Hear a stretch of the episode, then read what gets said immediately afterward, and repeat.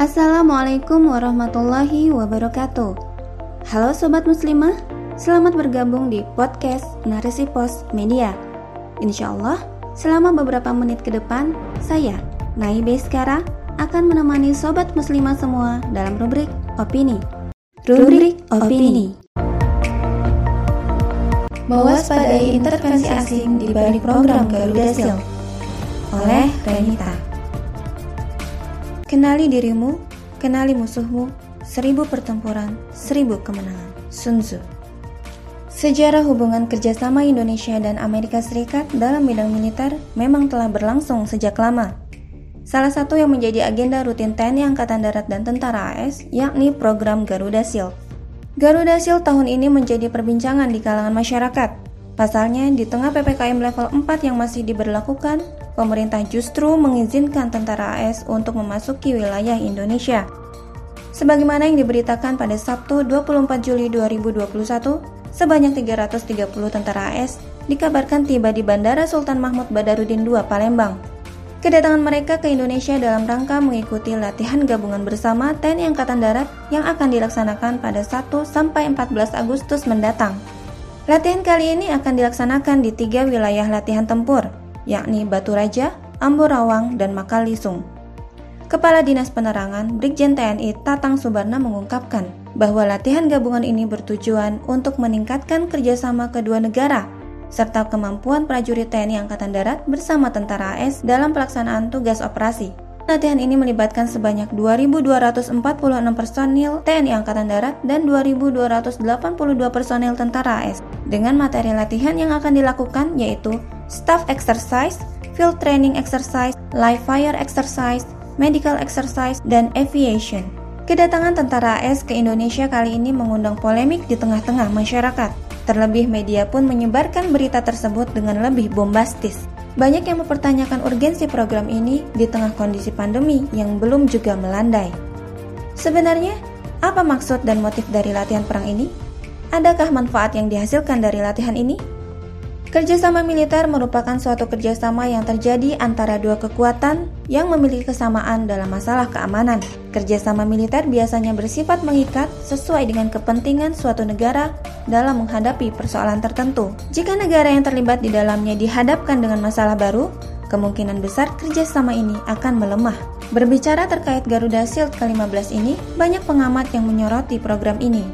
Pasalnya, Garuda Shield tahun ini tidak seperti tahun-tahun sebelumnya, yakni tahun ini program tersebut memiliki skala latihan yang lebih besar, tidak hanya antar batalion atau satuan lebih kecil lainnya. Namun latihan ini melibatkan personel antar brigade dengan berbagai alutsista, baik itu persenjataan, kavaleri, hingga penggunaan helikopter. Pengamat militer Marsikal Muda TNI Purnawirawan Haji Amirullah Amin mengungkapkan bahwa Amerika Serikat merupakan negara yang banyak memberikan bantuan serta dukungan kepada prajurit Indonesia untuk belajar di negaranya. Berkenaan dengan latihan gabungan, biasanya agenda ini bersifat menyamakan prosedur latihan, mengukur kemampuan masing-masing, sarana menjalin kerjasama, serta merupakan sarana unjuk kemampuan masing-masing negara. Selain itu, Indonesia merupakan salah satu negara yang diperhitungkan dalam bidang militer karena Indonesia memiliki kekuatan militer lebih dibandingkan negara-negara lain di Asia Tenggara. Indonesia juga tercatat pernah melakukan latihan gabungan bersama negara tetangga seperti Malaysia, Filipina, Singapura, dan Australia. Namun, untuk wilayah di luar Asia Pasifik, Indonesia hanya pernah melakukan latihan gabungan bersama dengan AS. Sementara itu, Menurut dosen hubungan internasional Dr. Haji Budi Mulyana, latihan ini menguatkan bukti bahwa Indonesia masih merupakan sekutu terbesar AS di Asia Tenggara. Walaupun dari segi kekuatan, militer AS berada di atas Indonesia. Ketika tujuannya sama, maka latihan gabungan ini akan berlangsung dengan baik tanpa hambatan. Namun, ketika ada kepentingan AS yang tidak sejalan dengan Indonesia, tak menutup kemungkinan akan terjadi embargo dengan memutus seluruh bantuan dari AS. Selain itu, AS juga membutuhkan informasi lapangan terkait pemetaan geografis Indonesia, walaupun secara data sudah didapatkan melalui satelit mereka. Belum lagi, ketika adanya interaksi antar prajurit, tentu harus diwaspadai adanya infiltrasi sosial terkait tempat yang dijadikan untuk latihan, serta adanya jalinan relasi di tubuh TNI yang nantinya bisa menjadi perpanjangan tangan terkait kepentingan negara lain, seperti proyek pengadaan alutsista ataupun doktrin kemiliteran yang akan mengubah jati diri militer Indonesia. Pada faktanya, AS merupakan sponsor utama dari terselenggaranya Garuda Shield ini. Sementara Indonesia hanya berperan sebagai pemilik tempat serta sarananya saja. Sebagaimana kita ketahui, dalam konstelasi politik negara kapitalis, tentu tidak ada makan siang yang gratis. Maka, ketika AS dengan jor-joran mengirimkan pasukannya serta menggunakan peralatan teranyarnya dalam latihan tersebut, mustahil rasanya jika AS tidak memiliki motif terselubung yang hendak mereka capai. Terlebih, Indonesia memiliki wilayah geografis yang strategis serta kekayaan alam yang melimpah tentu AS tidak akan mengabaikan peluang untuk memperkuat posisinya di wilayah Asia Pasifik. Patut diduga, AS sengaja memanfaatkan Indonesia dalam rangka mengamankan kepentingannya dalam konflik laut Cina Selatan dengan terselenggaranya program ini. Apalagi, lokasi tempat yang dipilih untuk latihan tempur ini merupakan lokasi di sekitar alur laut Kepulauan Indonesia atau ALKI, yaitu Selat Sunda, Selat Malaka, dan Sulawesi. Lokasi tersebut merupakan pintu masuk yang perlu dijaga karena termasuk jalur laut yang perlu diwaspadai. Dengan adanya latihan gabungan ini, tentu akan semakin mempererat hubungan bilateral antara Indonesia dan AS. Bukan tidak mungkin, AS sebagai negara adidaya akan kembali mengintervensi kebijakan Indonesia. Tak dimungkiri, adanya latihan bersama dengan asing sering kali menjadi pintu intervensi asing untuk menangani problem. Alhasil, kedaulatan Indonesia semakin terpasung, entah itu dalam politik luar negeri maupun politik dalam negerinya. Semestinya pemerintah terus mewaspadai tekanan dan intervensi asing dalam berbagai aspek. Terlebih di era pandemi, banyak kepentingan AS yang ingin didesakkan di berbagai negeri dengan kerangka program penanganan pandemi. Seperti halnya pemberlakuan new normal di tengah pandemi yang merupakan program gagasan negara barat untuk penanggulangan pandemi. Nyatanya, ketika program ini dijalankan justru semakin mempercepat penyebaran virus. Karena yang diutamakan adalah pemulihan ekonomi dengan mengorbankan nyawa rakyat dalam kerangka lockdown parsial mereka.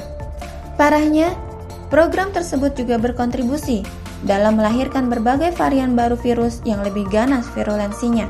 Alhasil, lonjakan pandemi semakin meroket Korban pun bergelimpangan karena tingkat penyebaran yang tak terkendali.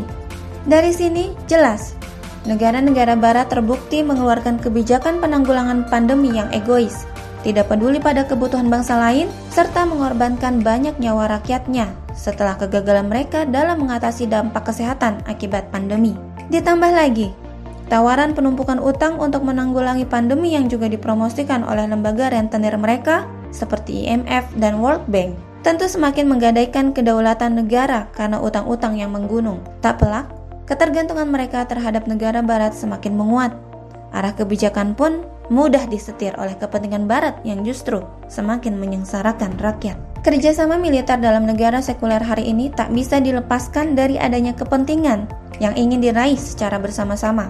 Sehingga menjadi sebuah keniscayaan ketika ada kerjasama militer dalam rangka menjalin hubungan bilateral antar negara AS dan sekutunya masih menjadi kiblat kekuatan militer bagi negara-negara di dunia ketiga.